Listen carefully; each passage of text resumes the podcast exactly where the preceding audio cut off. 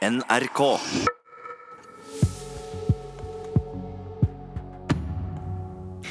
Sanger og gitarist Gøran Fristorp er ute med sitt første nyskrevne album på ni år.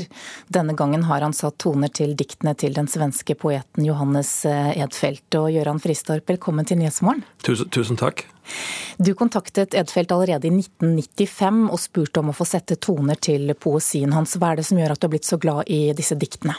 Ja, altså det, For det første så var det jo så at jeg oppdaget i 1995 at han var ledamot av Svenska Akademien, De som utser Nobelpriset varje år i litteratur. Så jeg tenkte det var bäst att jag ringer og kollar med honom om, om han tycker at det skulle være okej at jeg skulle gjøre det. Han hadde ingen aning om hvem jeg var. Han var en gammel man då på, redan på den tiden. Men jag berättade lite grann vad jag hade gjort och så, så efter blev det tyst i telefonen och så sa han ja, det går väl bra då, sa han. Och så det har jag hållit fast vid när, när jag för nästan två år sedan fick tag i en antologi med hans texter. Det är någonting med, med, med, med dem som gör att det kommer musik till mig direkt med en gång. Det är någonting som talar till mig. Jag, jag, det är lite svårt att beskriva vad det är men det är väl, han känner sig oftast som lite, vad ska vi säga, stå, stående vid sidan av sitt eget liv och liksom inte känner sig hemma i sin samtid. Det finns någonting där som tilltalar mig. Og som vi kan dra paralleller til også i dag? Det tycker jag absolut. Mm.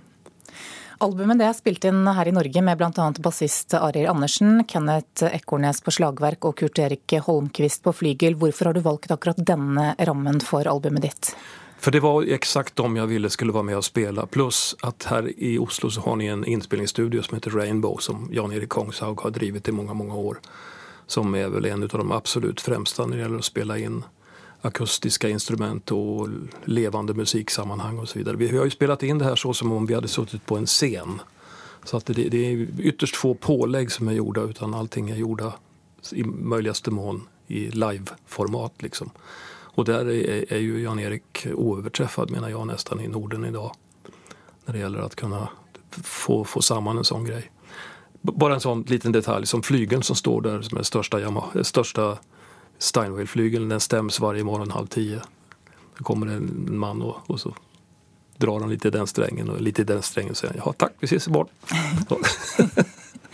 Du, du, er jo straks 70 eh, år, du har holdt på med musikk siden ungdommen. Og det er 45 år siden du og makker Glasov Geierstam var med i Eurovision Song Contest etter å ha slått selveste ABBA i den svenske melodifestivalen. Du har lest på. Det, det, er, ikke, det, er, det er ikke så mange som kan det der i, i Norge. Det er, det er faktisk uh, uvanlig å høre at noen kommer ihåg det. Men det er jo aktuelt, det er aktuelt nå, da, i møte med ja. var Grand Prix i helgen. Ja. Og så har du også gitt ut uh, 27 album, jobbet med mange av Nordens fremste jazzmusikere og også mange artister som er kjente og kjære her i Norge. Karoline Krüger, Finn Kalvik og Sissel Kyrkjebø bl.a. Mm. Hva er det du ser tilbake på med mest glede? Det faktum at, at jeg fikk i Norge en publik som jeg aldri riktig har fått hjemme. Det er kanskje det som, som förbluffar meg fortfarande. Og, og jeg frågar meg selv, og får ofte den frågan, hva, hva beror det på? At, for jeg har jo faktisk jobbet her i landet 75-80% av tiden siden 1977. Ja, Hva svarer du da? Ja, jag vet ju vad jag skulle vilja svara med men, men, men det, det, är väl kanske inte riktigt korrekt. Men jag, jag tror att ni, eh, ni, ni, ni är väldigt uh, musikaliska her i landet. Riktig svar. Ja, ja. tenkte vel det. du, hva er det viktigste i livet ditt akkurat nå? Eh, mina barnbarn, tror jeg. Mm. Og eh, ja, helsan er det absolutt viktigste. Mm. Du er opptatt av musikk, og jeg var innom spillelisten din på Spotify. Mm. Den var ganske sammensatt, vil jeg si. Ja. Eh, hva slags musikk er det som ligger hjertet ditt nærmest?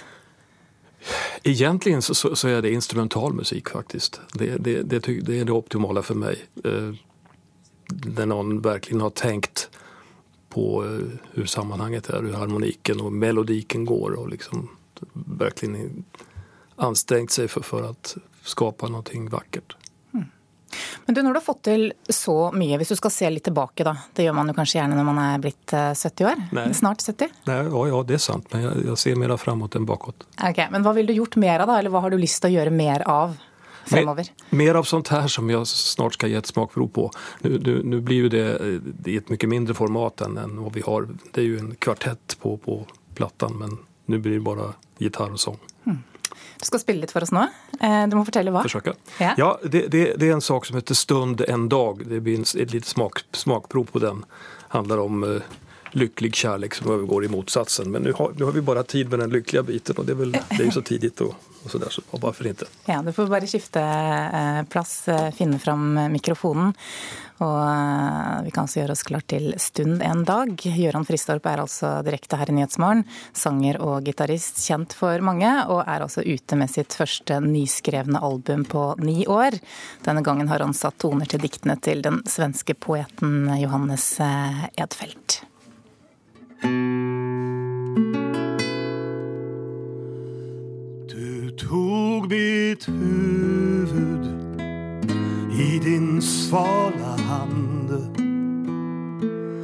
Mitt hjärta som är utan ro fick ro och långa nätters gamla feberbrand blev sval i dina händers svala bo. Så skedde det at alt ble brøst mot brøst. Det fant seg plutselig hav og gamla hus. Din smala handled var en hemmelig trøst. Som låg ur hjertet som et stilla ljus. Du vet at denna stund kan ej bli glömd men sällsam lysa till vår sista dag Du vid mitt hjärta låg min ungdom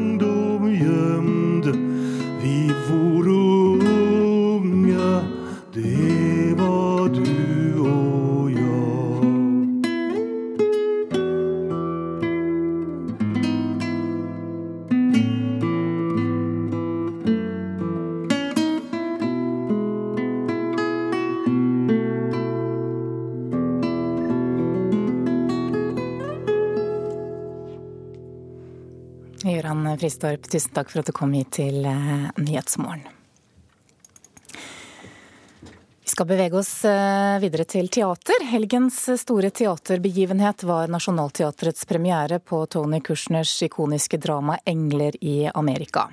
Forestillingen har fått anmelderne til å juble, deriblant vår egen Karen Frøsland Nystøyl. Og Karen, god morgen. God morgen. Du, etter å ha vært i teatret i nesten ni timer på lørdag, så var du veldig begeistret. Hva er det med denne forestillingen? Ja, etter de ni timene så var jeg rett og slett lykkelig. Eh, 'Engler i Amerika' ved Nationaltheatret er sånn teater er når alt klaffer, på en måte. Eh, det er et stort verk, et episk verk, en veldig, veldig stor fortelling. Full av humor, av realisme, av mm, en slags overskredet virkelighet. Eh, basert på en smart idé. Og i denne versjonen så syns jeg tekstbehandlinga er så god. Eh, og alle de kunstneriske virkemidlene, maske, kostyme, scenografi, musikk, alt eh, trekker i samme retning. Og så er det det må jeg bare si, det er et uh, uvanlig sterkt skuespillerlag som jeg uh, Som holder ut uh, to forestillinger etter hverandre uten å miste intensiteten, uten å miste fortellinga for oss. Det, det, det, det, var rett og slett en, en, stor opplevelse. Et drama om å være menneske, om menneskelighet. Og når du har en regissør som Marit Moe Maune, som er konsekvent tro mot den ideen hun har, og går for den, så blir det bra. Men hva handler stykket om? Ja, det er Veldig kort fortalt altså er vi i New York eh, midt på 80-tallet. Vi følger et eh, mannlig par eh, og et heterofilt par. Der, men hvis vi tar de to mennene først, så har den ene av de da fått aids. Det takler ikke den andre. Han forlater kjæresten sin. Og det er det ene store dilemmaet som spilles ut. Så har du dette andre paret der, der de er mormonere, og, og, og, mannen i det paret er egentlig homofil, men har gjemt det langt inne i seg, da. Det som spilles ut, er hvem vi mennesker er i møte med, med, det vonde, når vi må stå i det vonde. Løper vi, eller blir vi i møte med alle de store spørsmålene vi alltid baler med som mennesker? Eh, dogmene som møter levd liv. Og i dette stykket så vinner livet, sjøl det sjuke, svake livet, vinner og blir sterkt. Så det er, en, det er en veldig stor fortelling, og så har det òg vært et veldig viktig stykke for kampen for skeive sine rettigheter og, og likeverd. Mm, vi skal høre et lite utdrag. Roy Cohn, du har hatt sex med utallige menn. Og en eller flere av disse karene har gjort det alvorlig syk. Roy, du har aids. Problemet ditt eh, Henry, at du er så opphengt i ord og merkelapper at du tror at de betyr det de gir seg ut for. Aids, homoseksuell, gay, lesbisk. Du tror at dette er navn Ja, Hva var det vi hørte her, Karen Frøsland Ystel? Ja, jeg hørte vi Ågot Senstad som legen og Terje Strømdal som advokaten Roy Kuhn som får konstatert at han har aids. Eh, og Det er òg en av disse fortellingene. Den, den harde kjendisadvokaten som, som har gått over lik for å få alt som han vil i sin karriere. rammet rammes nå av denne unevnelige pesten som aids var midt på 80-tallet, og fornekter selvfølgelig eh, alt. Men det er òg en, en, sterk del av historien. Eh, og han, Roy Coon fantes jo i virkeligheten. Denne advokaten er basert på en virkelig person som faktisk var Donald Trump sin mentor, og det i seg sjøl er skremmende nok, faktisk.